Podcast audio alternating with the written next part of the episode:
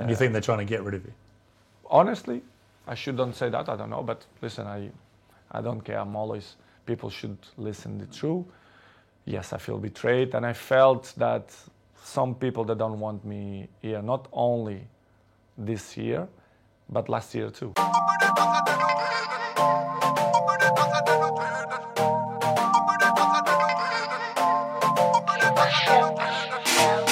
Det är sista gången på ett tag ni hör Labyrints låt Vi dansar som en introlåt. Efter det här avsnittet kommer den här podden förvandlas till en VM-podd, VM-bänken. Men ni ska vara varmt välkomna till ett nytt avsnitt av Avbytarbänken, avsnitt nummer 131. Vi snackar boll där vi någorlunda har koll. Jag har med mig Mustafa TV i det sista avsnittet som är vanligt innan vi går in och du vet blir helt färgade av VM Jag kan säga så här, jag är lite semifärgad Jag har laddat upp, jag är så hypad.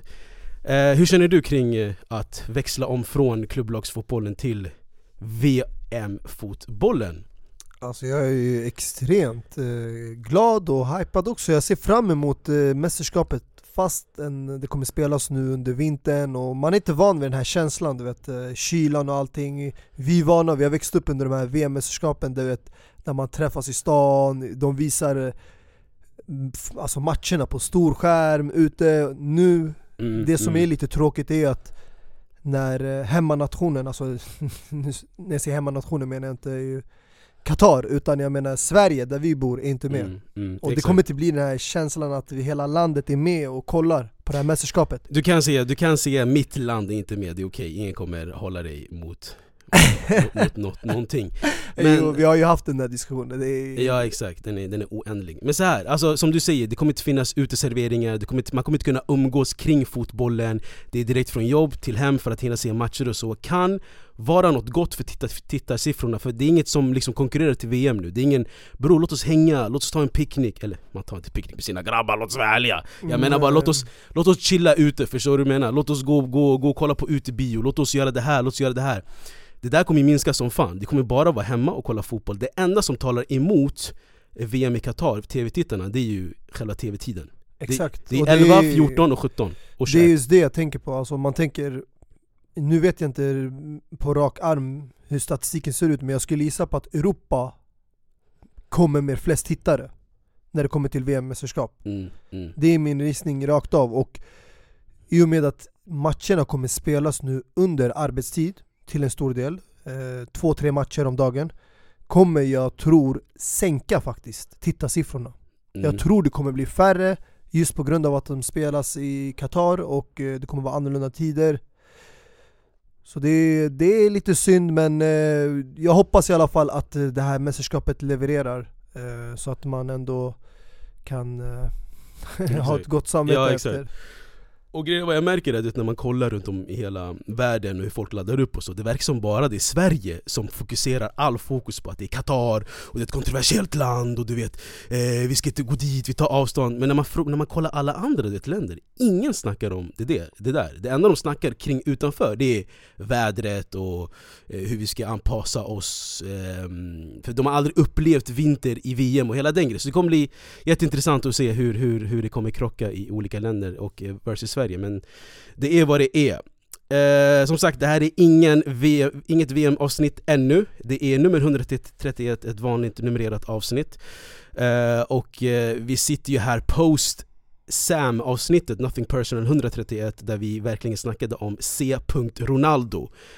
Eh, och det passar väl hand i hand att eh, intervjun med Piers Morgan eh, släpptes igår, 47 minuter, en halvlek. Vi har en halvlek att se fram emot idag också, part två. Eh, Men som, som, låt oss göra, vara lite klassiska, låt oss trycka på space En bumper och sen börjar avsnittet på riktigt, let's go.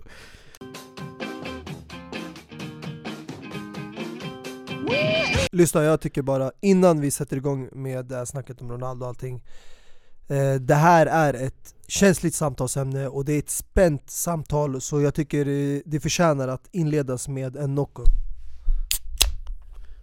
Oj vad fint!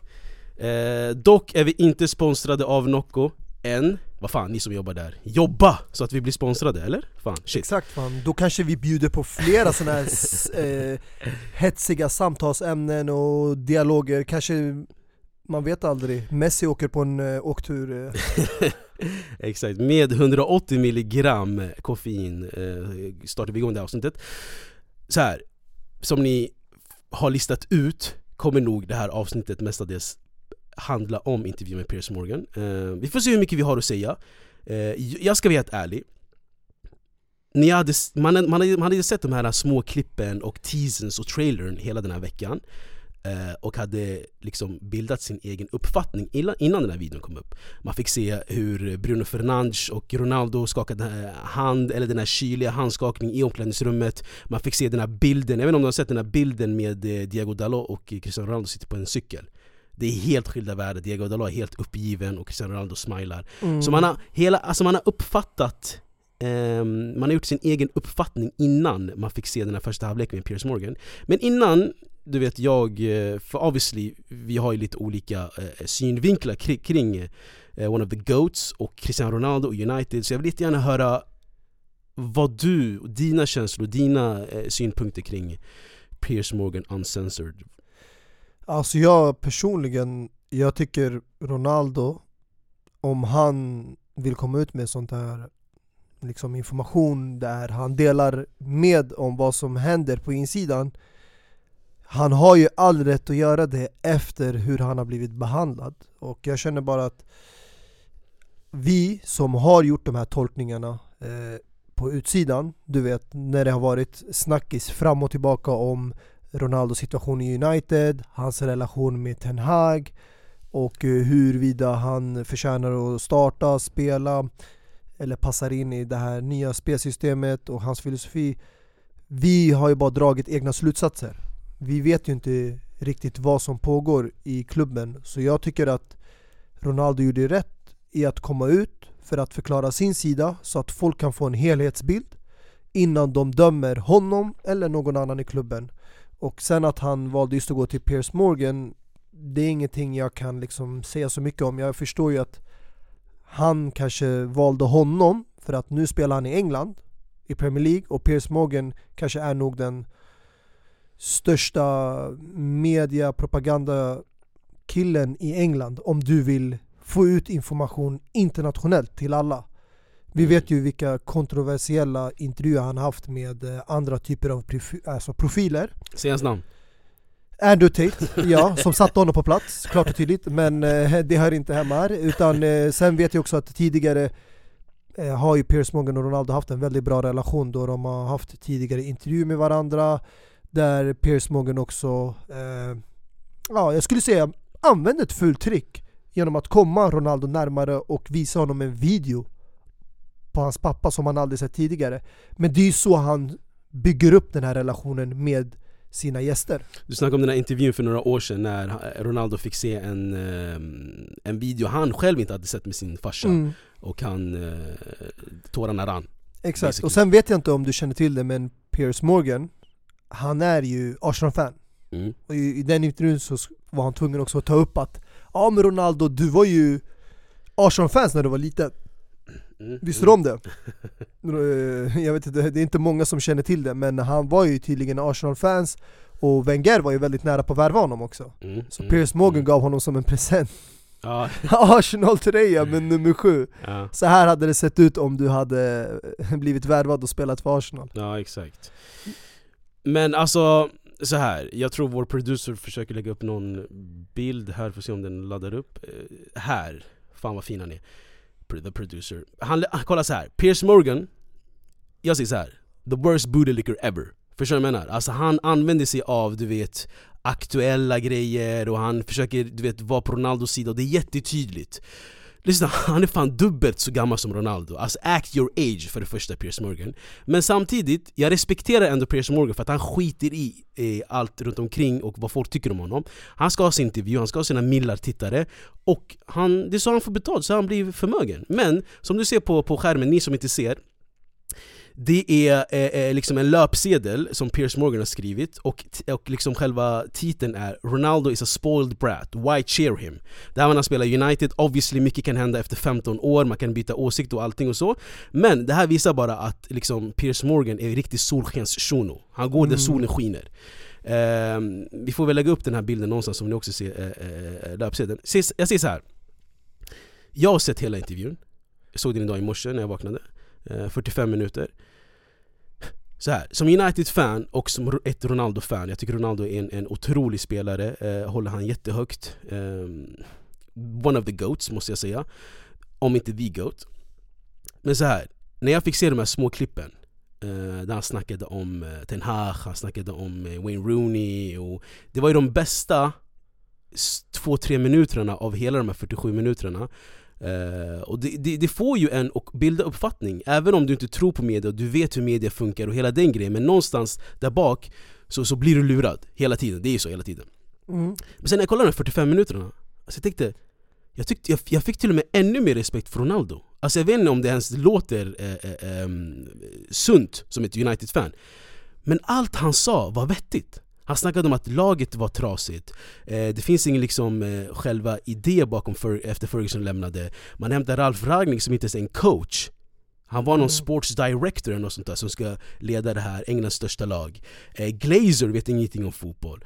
Så grejen är, han la ju upp det så bra och sa så bra Även om den här bootylickern Piers Morgan försökte göra han så att han sa lite andra grejer. Men jag tycker Ronaldo skötte sig jättebra och allting. Det enda som talar emot honom, som ett, som, från, mitt, från mitt perspektiv eh, som du inte nämnde, det är att han gör det här när han fortfarande spelar i United ja, När United ja. fortfarande är hans arbetsgivare, you get me? Jag förstår dig, eh, men just att han gjorde det vid det här tillfället visar vilken storhet Ronaldo har Jag eh, diskuterade det här med dig bakom kulisserna lite innan, att hade det varit någon annan typ av spelare en eh, inte så stor spelare av mindre magnitud som till exempel, låt oss säga Cavani exempelvis.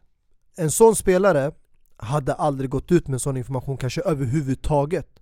Men när det kommer till stora spelare som alltså ändå vet sitt värde och de vet att de förtjänar bättre de kommer inte sitta tysta för att även om klubben är störst de är tillräckligt stora för att kunna yttra sig och göra sin röst hörda över hela världen.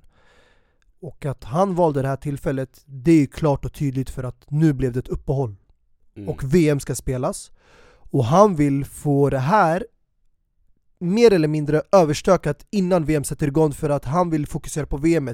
Och jag tror många kanske spelare, medspelare eh, som han spelar både i landslaget, klubblag och sen fans då kanske kommer med de här tankarna, Ej, kommer det här påverka Ronaldo? Vad har hänt? Varför sitter han på bänken? Eh, kommer det vara likadant i landslaget? Det ena och det andra och då till slut han kände vet du vad, låt mig bara summera den här säcken och göra mig av med den och dumpa den i soptunnan innan VM börjar så att folk vet hur det ligger till. Och jag antar att planen är efter VM börja om på nytt, a fresh start. Och då menar jag att vinteruppehållet han kommer säga komma tillbaka till United, hello and goodbye. Och jag vet att folk inte ser det som något troligt att man lämnar mitt i säsongen. Det här är Ronaldo vi pratar om och det är United, hans klubb där han växte upp. Men faktum är att jag tror många inte känner till att Ferguson hade en jättestor makt i United. Och Glazers har visat sig vara att de inte är bra ägare. Och den som styrde och ställde och dirigerade i klubben Det var Ferguson. För att Ferguson hade inte bara en coachroll, han hade en managerroll han hade en stor roll som ingen i den tiden hade förutom kanske Wenger. Wenger fick den titeln sent dock, Exakt. han var coach länge, sen fick han managerrollen. Och det är det jag tror hjälpte United att styras på rätt sätt och få klubben i rätt riktning och hämta in rätt spelare och bygga upp eh, en bra struktur. Sen när de tappade Ferguson, det var ju där allting rasade. Och jag håller med Ronaldo. Man börjar med att hämta en erfaren Premier League-tränare som inte har coachat någon toppklubb tidigare. David Moyes, bara för att han har lite anknytningar till Ferguson. Mm. Och sen efter det har ju liksom cirkusen pågått och charaderna har ju varit liksom Det är inte bara Ronaldo som har drabbats av den här cirkusen. Vi vet även att Pogba har gått igenom en liknande resa tills han slutade.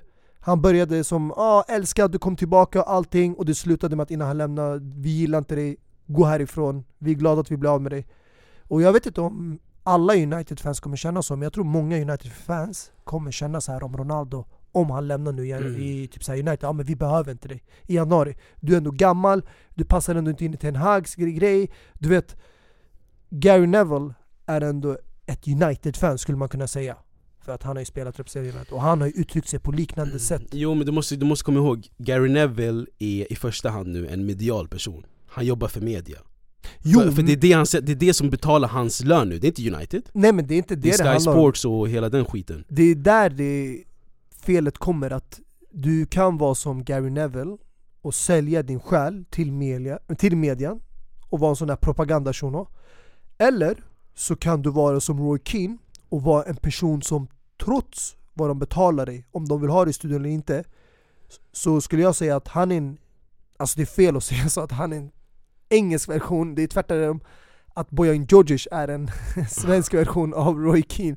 För han säger verkligen helt och hållet vad han kan- tycker. det, det är fan en bra Man känner verkligen av att när han pratar, han pratar från hjärtat. Alltså Roy Keane är rak på sak och när han yttrade sig om Ronaldo-situationen Jag märkte direkt Gary Neville och Roy Keane var inte så överens. Och det här är två före detta United-spelare. Nej så här. I slutet av intervjun med Piers Morgan så sa ju ehm, eh, Han nämnde liksom sina, hans gamla lagkamrater, Ronaldos gamla lagkamrater Där han delade ut dem i två.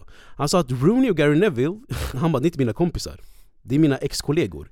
Och han bara, han, bara, han sa ju, vi har ju sett hela det där klippet när han skämtade om att ah, han kanske är avundsjuk på mig och lalala för att jag är bättre än honom. Jag säger inte att jag är bättre än honom, jag kanske är bättre än honom. Hela den grejen, men det som, det som gjorde mig lite så här, ah, ja okej, men, ehm, det var att Ronaldo sa, men för några månader så, så ringde Rooney mig och han ville ha en playdate liksom. Han sa hämta din son så kan våra eh, söner leka med varandra. Typ. De är ish i samma ålder, jag tror nog de spelar i samma ungdomsled i United Eh, Och så Kai Rooney och uh, Cristiano Ronaldo Junior. Den vet Kai, Mm, han heter ju Kai. Som... Inte som eh, eh, tysken i Chelsea. Jag tror de stavas olika, skitsamma. Så han var tydlig med att säga det här är mina kollegor, mina ex-kollegor, det är inte mina vänner. Och sen sa Pierce att Roy och Rio, Roy Keane och Rio Ferdinand backade honom alltid och hela den grejen. Han bara ah, det här är mina vänner. Ja, Och sen men- sa han liksom att ah, men Rio Ferdinand var min granne? Och han hjälpte mig settle in i England och hela den skiten. Ja, vi alla känner till deras relation. Ja, Speciellt ja. från den där intervjun med Anderson. Ja exakt, eh, och sen eh, exakt. Men det som, alltså grejen är, jag ska vara helt ärlig. Wayne Rooney är en större legend i United än vad Ronaldo är. Jag vet inte om vi kan komma överens om det. Eh, jag förstår att du säger så med tanke på målrekordet och det, men eh, i och med att när Ronaldo var där Jag säger inte att han är en Jag- bättre spelare Nej, än Ronaldo. inte bättre, alltså jag förstår det, just United-legend. Jag skulle fortfarande säga just Ronaldo, även fast han spelade en kortare period och gjorde färre mål. Ronaldo var för mig anledningen till att United vann Champions League och att Ronaldo lyfte en Ballon d'Or i United För mig gör honom också till en större legend Ronaldo satte större avtryck Spelade United från 03 till 09, gick till Real och erövrade Spanien där Jo men för, ja. jag förstår vad du menar, men för Ja. mig det handlar inte om bara längden, hur länge du har spelat eller hur många mål Det handlar om vad du uppnådde i, i den klubben jag fattar, alltså grejen är, du måste ändå förstå. Alltså, jag, jag har sett, Det finns en dokumentär eh, om Rooney i, i Prime Video också som är otroligt bra. Eh, Jag tror jag har sett den två gånger. Alltså, Det visar Rooneys du vet, eh, persona och han, han är verkligen, jag skiter i, han säger vad han tycker och tänker. Eh, Och sen har han sina vänner, alltså han är en riktigt avslappnad shuno. Men det jag försöker säga är, alltså, folk glömmer bort också hur, hur Rooney var när han kom till United? Alltså hans debut mot Fenerbahce i Champions League, hattrick direkt. Eh, och både, både Rooney och Ronaldo blev uppfostrade i, i United, de kom som tonåringar, 17-åringar. ja, Mm. tonåringar. Och båda har haft ish samma väg, det är bara att Och skillnaden de är är ungefär lika gamla också. Att, Exakt, skillnaden är inte bara, men en av skillnaderna är att Ronaldo är, är eh, liksom portugis, han är en mer spicy white, du vet.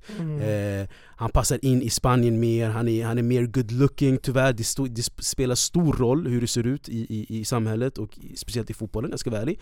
Om Paul Scholes såg ut som David Beckham, han hade varit Ballon d'Or-vinnare, jag säger som det. Mm.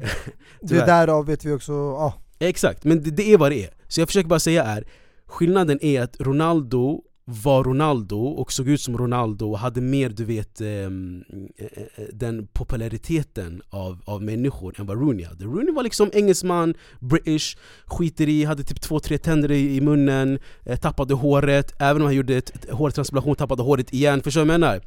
Han såg ut som en bulldog, you get me? Mm. Så det är svårt att älska sådana människor. Jag kanske är kontroversiell men jag är ärlig, jag ser som det är. Men Rooney var ändå en eh, stor favorit bland Obviously, fansen. för oss ja. Men om du går till eh, Madrids gator, folk kommer säga Rooney, yeah he was a Mm. good player. Men de vet inte hur stor han var bre. Mm. Sjuk lirare. Så det jag menar är, vi ska inte fastna i Rooney, det kanske vi ska, ska göra, det är en otrolig spelare. Men det jag menar är, ehm, alltså Ronaldo gör bort sig lite i att han eh, gång på gång sätter sig själv som nummer ett i allt. Förstår du vad jag menar? Men grejen är att han gör det i rätt tillfälle för att nu när han gjorde den här intervjun det är ju efter att de här spelarna har gjort sina uttalanden. Så om du ändå har varit tyst, du har inte yttrat dig, du har inte sagt någonting dåligt om Gary Neville eller Wayne Rooney under deras varken spelarkarriär eller tränarkarriär. För han kan gå in i dem och kritisera dem i många olika aspekter, men han har inte gjort det. Och sen så fort han gör sin comeback till United, och låt oss inte glömma bort att han ändå var Uniteds bästa målskytt förra säsongen Mm, och gjorde väldigt By bra far. ifrån sig för att vara 37 år gammal. by far. Och det var i samma säsong också där eh, Kom tvåa i... eh, Ole Gunnar Solskjaer fick sparken Exakt. och eh, man hämtade in eh, Ralf Ragnik tillfälligt. De har varit, alltså jag förstår nu som sagt Gary Neville, han jobbar med studion och sånt, att han måste ge sitt perspektiv av det som händer i klubben. Mm. Men att Rooney går ut och gör sådana uttalanden om din gamla medspelare och som ska vara egentligen också din vän, vilket nu han inte längre är. Det är lite, jag tycker över gränsen. Alltså han eh, pushar det, men det kan vara också för att eh, vissa känner att de får mer uppmärksamhet när de gör sina uttalanden, de pratar om en spelare som är stor. Alltså om jag är en medioker spelare eller jag har lagt skorna på hyllan och jag har spelat med Messi förut Mm. jag kan få mycket ögon på mig bara genom att säga ja men Messi gjorde så här och så här i omklädningsrummet så här saker som inte folk vet, bara yttra mig sådär För att mer eller mindre smutskasta honom, så kommer alla bara ah shit är det sant? Och sen kommer alla vilja höra Messi göra ett uttalande, stämmer det här? Är det så här? Var det så här? Mm. Mm. Var relationen så här? Betedde du dig på det här sättet? Och det är så här, varför ska du kasta sån skit på en spelare som du har ändå en fin historik med? Mm. Ni uppnådde mycket tillsammans. Så jag tycker Ronaldo gjorde rätt att fastställa att lyssna så här ligger det till. Men jag tycker han gjorde det väldigt professionellt också. Han visade inga känslor Mm. att han tog åt sig av varken det eh, Rooney eller Gary Neville sa. Och jag gillade också hans svar på när Piers Morgan sa när du blankade Gary Mm. Neville, han hälsade till mig och han bara 'Varför ska jag hälsa på honom?' Mm. Mm. Jag har ingenting med honom att göra, han jobbar i studion Jag skulle inte ens gå på intervju, jag skulle bara hälsa Jag gick förbi, jag hälsade på mina vänner! Exakt. Rio och Roy! Exakt, Rio Roy. Ehm, men det som var lite fjolligt av Gary Neville efteråt, mm, de frågade ju honom, eller Michael Richards bara ah, han blank ju, vad är det som händer? Och så han bara, men det, det, det, det betyder bara att han kollade på vår intervju, han blev hypad Mm. Bruv! Varför skulle du bli hypad? Din gamla eh, kollega eller ex-teammate Kolla på dina honom. grejer Nej alltså I don't care about that Det jag menar är bara, Ronaldo sa det så bra också under den här intervjun Han bara Basically det han sa att Jag betalar deras paycheck Alltså Mm. på grund av att jag säger de här grejerna har folk något att prata om Och de, de liksom, han sa det, han bara Jag är som en frukt som folk vill sätta tänderna i hela tiden Mm. Eh, Och sen sa Piers Morgan, vilken frukt är du då? Han bara Let, Let's say strawberry Så Ronaldo är skön, men även Daniel Nanskog här i Sverige snackar om Ronaldo och kallar han för gnällröv Men fan är du? Förstår du vad jag menar? Mm. Det är det här jag hatar, att folk ska sätta in sig i allt och ha, har sitt sitt att säga om Ronaldo och hela den grejen Men det, det jag måste ändå ära den här intervjun med Piers Morgan och hela den grejen Han fick med liksom Han gjorde Ronaldo alltså, human, han gjorde han till en människa. Han, han, Ronaldo fick liksom förklara hur det kändes att förlora ett barn bara för sex månader sedan. Det är det Mm. vi glömmer Ehm, Georgina, Många, ja, Exakt. många glömmer bort vad han har gått igenom också i sitt liv och hur det kan påverka honom mentalt. De måste ju förstå att han är också människa. Precis, exakt som eh, vår, vår gäst förra avsnittet Sam sa, att det, han har haft mycket att gå igenom Men grejen är, han förklarade liksom att eh, Han bara alltså jag visste inte, det, det här var jätteunderligt Skulle jag vara glad och ledsen på samma gång? För de, fick, de, de skulle få tvillingar, ena överlevde Mm. eh, Den andra dog tragiskt, sonen dog, dottern Bella överlevde så han sa liksom, jag visste inte hur jag skulle reagera, jag sitter i min familj också, alltså det, är, det är jätteunderligt, jag är glad men ledsen på samma sätt. Och sen sa han liksom också, eh, han sa till Georgina, lyssna jag vill inte ljuga för mina barn, eh, Cristiano Ronaldo Jr och alla andra barnen. Vi säger som det är, att Angel, som sonen eh, skulle heta, eller heter, eh, som gick bort Han berättade liksom, he's in heaven. Så det visade liksom, Ronaldo är den mest följda personen i Instagram och den mest största artisten, största människan som folk känner till, den mest kända människan ever Det visade liksom också han är en riktig familjemänniska, förstår du vad jag menar? Det är därför han inte bryr sig om vilka som snackar om honom Om det är Wayne Rooney, om det är Gary Neville mm, Han bara fine, förstår du vad jag menar? Jag har mina vänner, jag har folk som backar mig, så jag har min familj mm. um, Så jag, jag ivrigt väntar på del två av den här intervjun Ja, jag hoppas att den är lika underhållande. Alltså jag har inte sett hela, jag såg stora delar men min uppfattning var ändå att Ronaldo är inte the boogeyman som många försöker måla upp honom till. Utan han tycker bara att han förtjänar mer. Och när det gäller Ten Hag så förstår jag att den relationen eh, har ju nu blivit helt död det är mer eller mindre game over. Men det är för att också han inte kände sig respekterad och jag förstår honom. Om inte han får respekt av en tränare det spelar ingen roll om han har åstadkommit så mycket som han har i sin karriär och är en så stor spelare. En tränare ska aldrig liksom nedvärdera sin spelare, förstår du? Mm. Du ska respektera dina spelare på samma sätt som du för, alltså förväntar dig att de ska respektera dig som tränare. Och att han inte gör det, det gör att Ronaldo vill gå vidare i karriären. Och jag förstår honom för att han försökte till och med det i sommaren och de gjorde allt för att behålla honom. Mm. Och det gav oss en uppfattning att okej, okay, de har en bra relation. De försöker verkligen samarbeta med Ronaldo övertyga honom att stanna för att de ser honom som en stor plan av den här säsongen, just den här säsongen med United. Sen kanske han går vidare för att bygga upp tillbaka den här United-standarden. Men sen ser du honom sitta på bänken och han får inte starta, han får inte göra inhopp. Och det värsta är inte att han sitter på bänken utan vi har sett honom sitta i bänken med Real, med Zidane. Men det handlar om stormatcherna. Vila ju alltså Ronaldo i småmatcherna! Låt honom komma in i sista minuten, men när du möter City Derby I sådana stormatcher, där ska han bara starta, det är bara så. Han är en stor spelare. Jag säger inte att han ska starta varje match, men att han tar bort honom från de här stormatcherna Även fast United nu vann till exempel Arsenal i, mot Arsenal eller mot City, det jag tycker bara det är fel. För att det, nu kan du inte argumentera för att säga att ah, men United har gjort bättre utan Ronaldo. Vilken statistik är det? Att man har vunnit några matcher utan Ronaldo? Vem är deras bästa målskytt? Hur många mål har han gjort? Och varför förtjänar han att starta för Ronaldo? Förstår du? Ingen har varit liksom 100% given. Mm. Rashford, han var ju liksom helt off förra säsongen och nu börjar han komma tillbaka lite. Mm. Martial var ju på lån, kommer tillbaka och nu ska jag starta för Ronaldo och sitter ändå på massa skador. Mm. Så det är mycket som talar, förlåt, men emot Ten Hag och United. Sen vet jag inte om det är han som står bakom de här besluten eller om det är folk som sitter högre upp i styrelsen, sportchef eller glazer som eh, ger order Alltså, Ten Hag?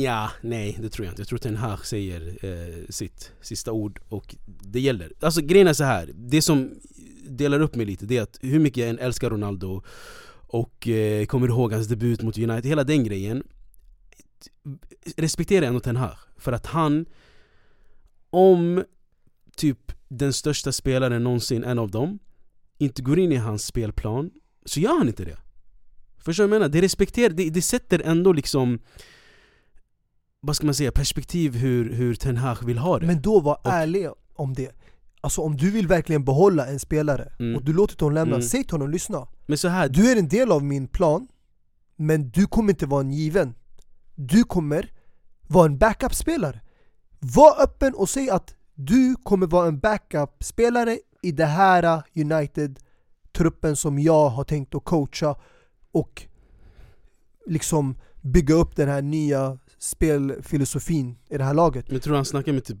Louis Saha eller bror? Det här är Cristiano Ronaldo Jo men du, du ska ändå vara ärlig mot honom, du, ska, inte, få, du kan inte lura honom och få ingen, honom att Ingen tro. lurar honom bro, och det går inte att säga till Ronaldo att du är min backup, Ronaldo är inte någons backup Men jag tror Ronaldo känner sig disrespected genom att man har halvt lurat honom att ey, Du kommer vara en stor del av United Eh, den här kommande säsongen. Vi tror fortfarande på dig. Vi tror fortfarande att du har mycket att ge kvar, även fast du är 38 år gammal. Men sen börja behandla honom som att han är- en 38-årig Quagliarella eller Di Natale, mannen. Skärp dig! Ta av dig de här glasögonen glasögonen, fan det, det går inte. Fina Fabio och Antonio, där är också fina anfallare alltså wow. Röker i duschen, hela den grejen. Men det, det, det, det jag vill säga, kanske slutord, även om du vill säga något mer eh, Och så jag känner ändå att vi har fått in mycket i, i den här halvtimmen. Men det jag vill säga är, han berättade ju också hur nära han var City. Mm. Vilket jag har lite delade meningar kring. Han sa liksom, ah, men det var Ferguson som, som, som eh, var liksom den avgörande rösten. Och han sa liksom, you can go. Han bara okej boss. Men när jag läser du vet artiklar och hela den grejen och eh, efter den här intervjun så sa folk, så sa någon reporter att Ronaldo var inte så nära City, förstår du vad jag menar? Mm. Vilket jag kan köpa, för Ronaldo, Cristiano Ronaldo är så, förlåt men det är en jätte-o-pepp värvning det är en jätte-o-pepp Guardiola-värvning Det enda jag kan tänka mig dock det är att Pep sa You know what? Låt oss bara hämta han, han är gratis. Vi kan ha han tills vi hämtar Haaland, för låt han spotta in eh, lite mål, vi har ingen anfallare. Men sen när de... Sen, jag tror inte han, han krigade för Ronaldo. Det kan vara att han ville ha honom, men sen han bara äh, vet du vad, skitsamma, jag vill inte ha honom. Så jag tror inte liksom att det var supernära, som Ronaldo säger, det är där jag inte håller med honom. Eh, Och jag tror inte heller att, att det var bara Ferguson som sa att du kan inte gå.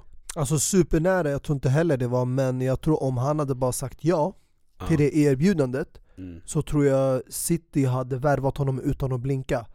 Även fast om vi säger nu att de hade ändå hämtat in Haaland Mm. eh, i och med att de tappade flera spelare om de inte hade hämtat in eh, Julian Alvarez Mm. Mm. så tror jag att Ronaldo kunde ha varit den här eh, kanske en backup men åtminstone om du spelar för ett lag som vinner nästan varje match, ligger uppe i toppen och har en Haaland som leder mm, skytteligan då kan du åtminstone acceptera att jag kommer bära ett mindre ansvar i den här klubben. Förstår du? Men du Mm. kommer ändå vara med i ett vinnande lag. Ja jag vet inte Och där, jag lovar dig, som en spelare som kanske även om han skulle spela hälften av alla matcher, han har gjort mer mål än vad han hade gjort i United om han spelar alla matcher. Ja, alltså... Alltså tänk dig att, lyssna, jag behöver inte säga någonting. Enkelt, en mening och två spelare. Kevin De Bruyne, inlägg, Ronaldo. Nej! Det hade blivit många mål kan jag bara säga, med Det hade hans bara, det pricksäkerhet. hade, ba- om du minns det här nickmålet mot Sampdoria när Danilo gör inlägg och han flyger, Mm. bokstavligen Det hade varit såna Såna, ja. Men du beskriver, ett, du beskriver ett alternativt universum i ett annat parallell. Ronaldo är ett ljusblått, det hade aldrig hänt. Men vi, ingen trodde på det att det skulle hända Det hade aldrig hänt, det hade Ja. aldrig hänt, alltså omöjligt, det hade, fotboll hade blivit Alltså, då, cancelled. då, då hade du sett folk bränna. Ronaldo-tröjor från 08-09 Cancelled, cancelled, cancelled eh, hade det varit. Eh, En sista grej jag behöver säga, han snackade om ungdomar också. Eh, Och han sa, han började med att jag ser att ungdomar är inte likadana som de brukade vara som när han var ungdom. Han, han började med att säga, min son är inte ens som, som jag vill han ska vara liksom. Han lyssnar Mm. inte på mig och så. Och han bara, folk i, han bara, inte alla, men många ungdomar i laget lyssnar inte på mig. Och Piers Morgan sa, han bara, det är det är ändå sjukt. Vilket jag håller med Piers Morgan, som jag inte brukar göra ofta I hans intervjuer Eh, och han sa liksom, det är ändå sjukt att ni har liksom one of the greatest, eller han sa the greatest, han måste ju säga det för han är en booty licker till Ronaldo. Men jag håller ju med honom lite också, men ni, ni fattar inte, jag är jättesplittrad kring Chris Morgan, skitsamma. Jag vill bara ha ett helt avsnitt om honom och bara snacka skit om honom.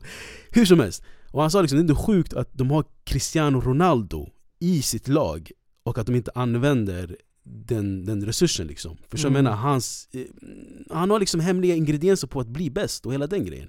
Så, Mm. så han visade liksom, sam, alltså ungdomar och utveckling och hur de tänker och så är inte, inte samma sak som när jag var ung. Nej det är, alltså där kan jag bara instämma. Jag, det, jag håller 100% med när det kommer till den nya generationen. Alltså Mm. det är inte samma, de är mycket mer bortskämda de här unga spelarna.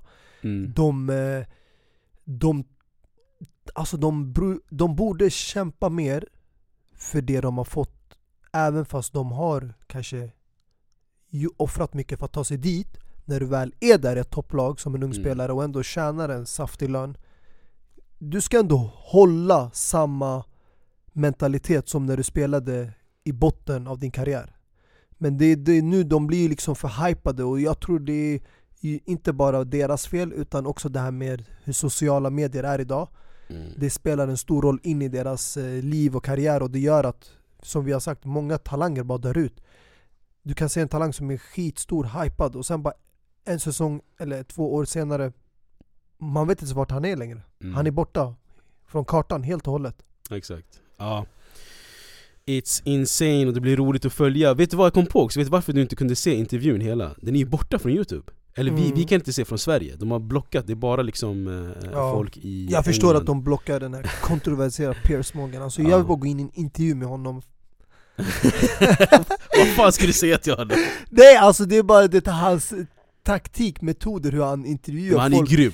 Han är grym men du vet, du kan vara grym på en grej på två olika sätt. Du gör det på ett skönt, ärligt sätt eller du gör det på ett fult, sliskigt sätt.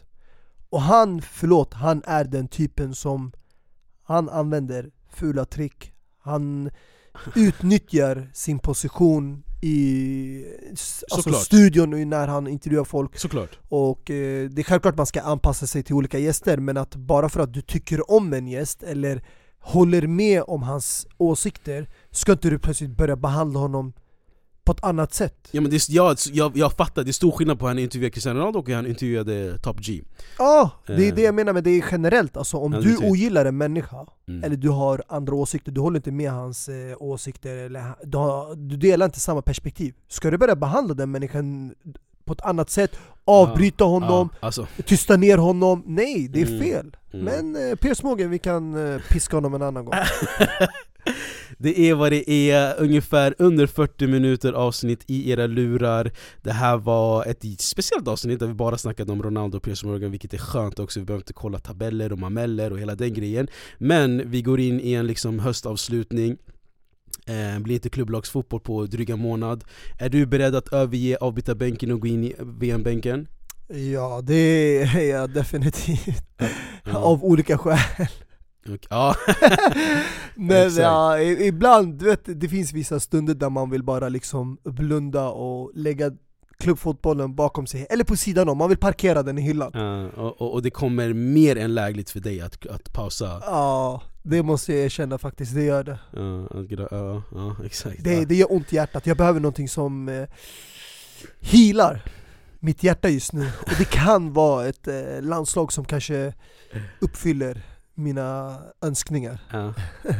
Med det sagt då, nästa gång hör, vi, hör ni oss ehm, prata uppladdning och grupper ehm, kring VM Redan i morgon och på lördag vill jag lova Producer kollar på mig lite snett, men eh, vi får se hur mycket han hinner, hinner klippa och klistra Men-. Vi, vi har en bra producer, han kommer sköta jobbet. ah, det är, Han är fortfarande en liten rookie Jag driver ah, ja, eh, Torsdagsavsnittet som bör släppas ikväll och eh, på fredag och lördag får ni eh, grupperna Med det sagt då, hörs! Ciao!